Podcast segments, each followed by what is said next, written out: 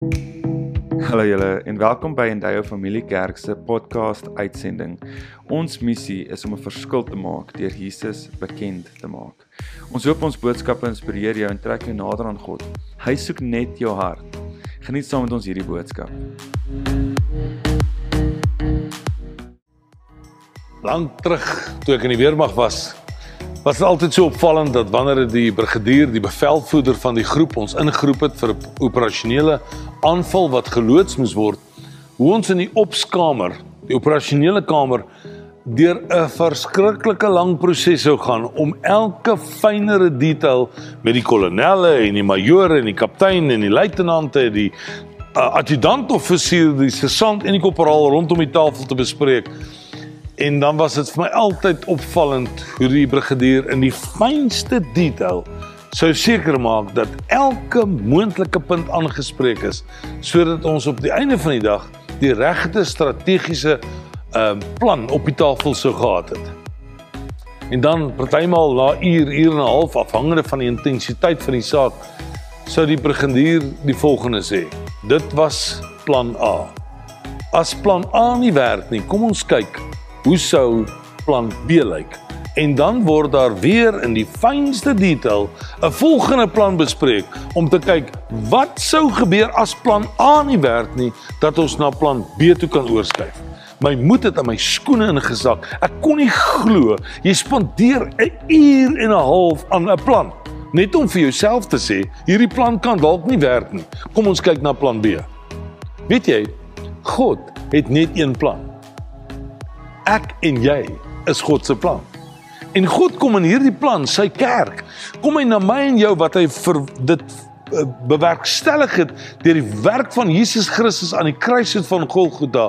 En met hierdie plan wil God die wêreld sien verander dat ons hom sal vol, sal volg.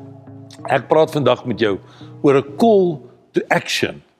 Die wat wat in jou lewe gedefinieer moet word wat definisie moet kry dat hierdie sinvolheid van jou eie lewe en die betekenisvolheid van jou eie lewe sal ontdek en jy vir jouself sal sê dit is lekker om te kan doen dit wat Christus my na toe roep om te doen. Jy sien voor Covid het die kerk op 'n sekere manier gefunksioneer. Was daar sekere maniere en dinge wat ons gedoen het en ons het gedink dit is reg. Maar nou na Covid of so aan die sterkant van Covid is ons besig om agter te kom dat daar 'n nuwe normaal gaan wees, 'n nuwe manier van kerk, 'n nuwe manier wat God vir sy kerk wil gee, sodat ek en jy kan doen die wat, die call to action om regtig onsself te kan uitleef. Kan ek saam met jou bid? Vader, ons bid dat wanneer ons na u woord luister, dat die woord in ons gees sal kom val, die saad dat die ontkieming sal plaasvind en dat ons sal kan uitleef dit wat u in gedagte gehad het vir elkeen van ons. Ons dank u vir dit in Jesus naam. Amen. Baie dankie van my kant af ook dat jy tyd op sy sit, dalk vandag saam met jou huiskerk, dalk saam met jou familie, dalk saam met jou vriende. Maar is in hierdie plek waar ons onsself begin bevind om te sê wat die wat is in ons lewe. Wat ek dink aan 'n skrifgedeelte in Handelinge 19 vers 28 wat hy sê in hom leef ons, in hom beweeg ons en in hom bestaan ons. Ek hou van dit Passion Translation waar hy sê in him we live but in him we function and in him we have our identity. Dis wanneer ek hierdie live function and identity begin te uitleef waar regtig in my gees iets opstaan van wat die plan van aksie van God is vir my lewe.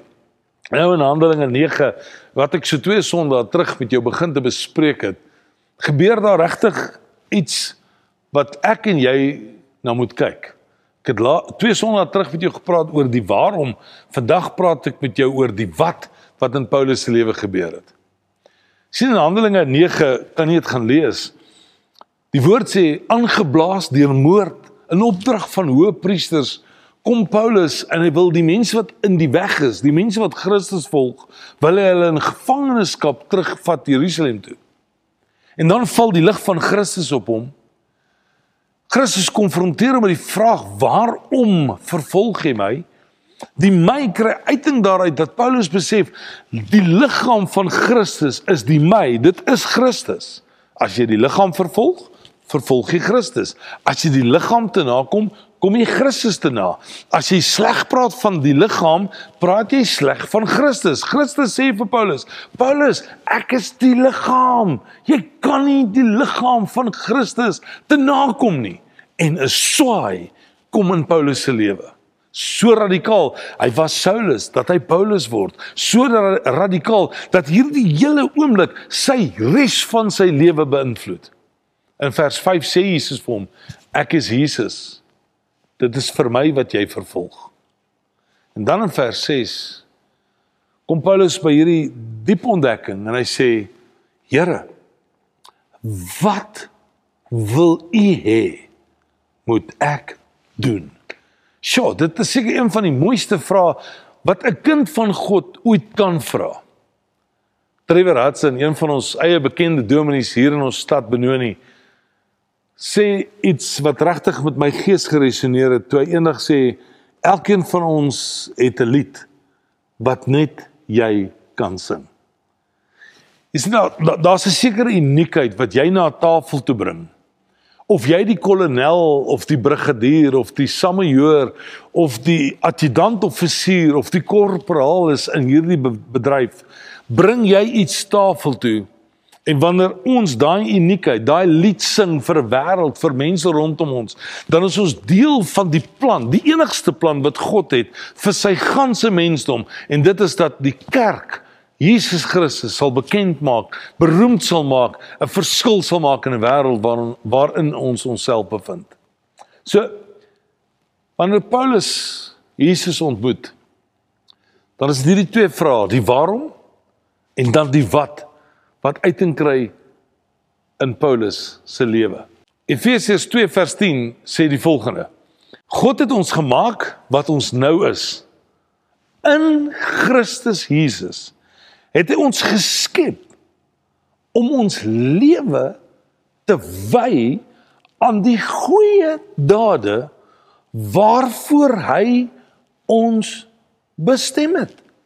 Dis een van die mooiste verse wat ek raak lees en dit is dat God ons gemaak het wat ons nou is in Christus geskep om ons lewe te kan wy aan die goeie dade waarvoor hy ons lank reeds terug bestem het.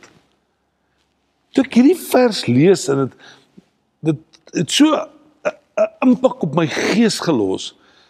Kan ek nie anderste as om te dink aan die lewe van Paulus en hoe hierdie hele oomblik van die Damaskus ervaring iets in sy gees losgemaak het om te besef ek moet kan ontdek wat God se plan, God se roeping is vir my lewe.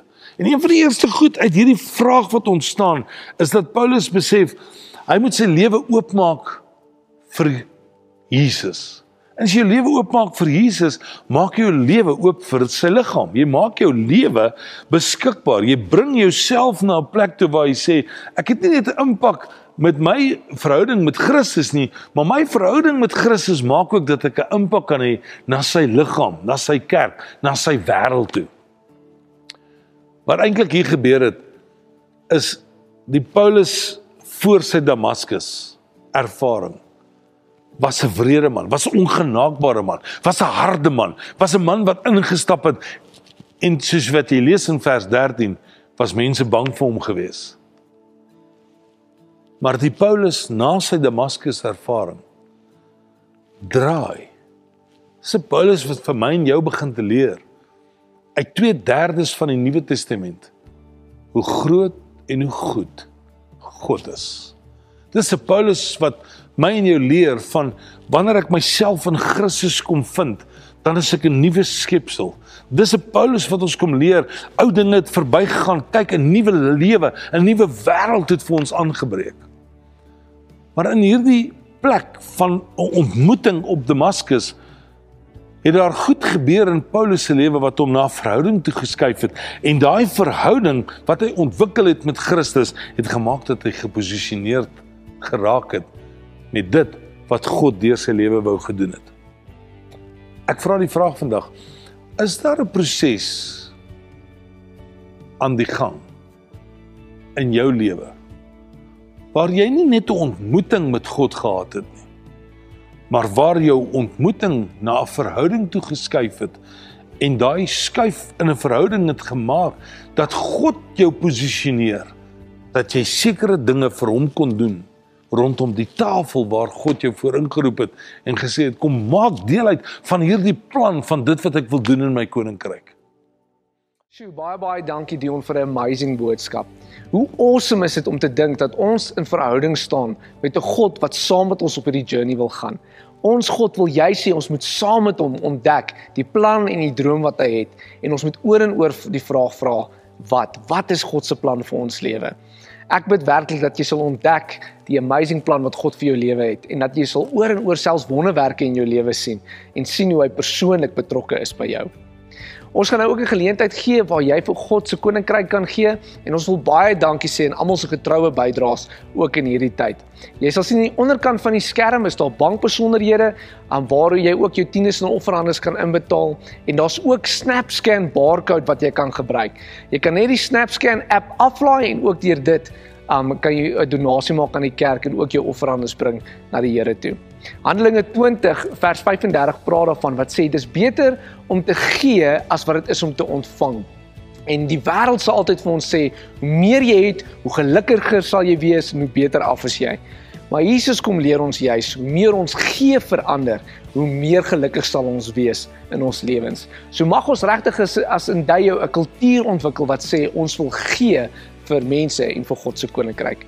Maar kom ons sluit ons oop vir 'n oomblik en sê ook net dankie vir die Here vir sy voorsiening in ons lewens. Aba Vader, baie baie dankie vir u voorsiening in ons lewe. Here, dankie dat u 'n God is wat belangstel in die kleinste detail. Here, u weet van elke rekening wat betaal moet word. U weet van elke behoefte wat ons het, Here. Here, en u is getrou en ons gee die eer daarvoor. Here help ons sodat ons meer en meer vir u koninkryk kan gee en dankie vir u seën oor ons lewens. Amen.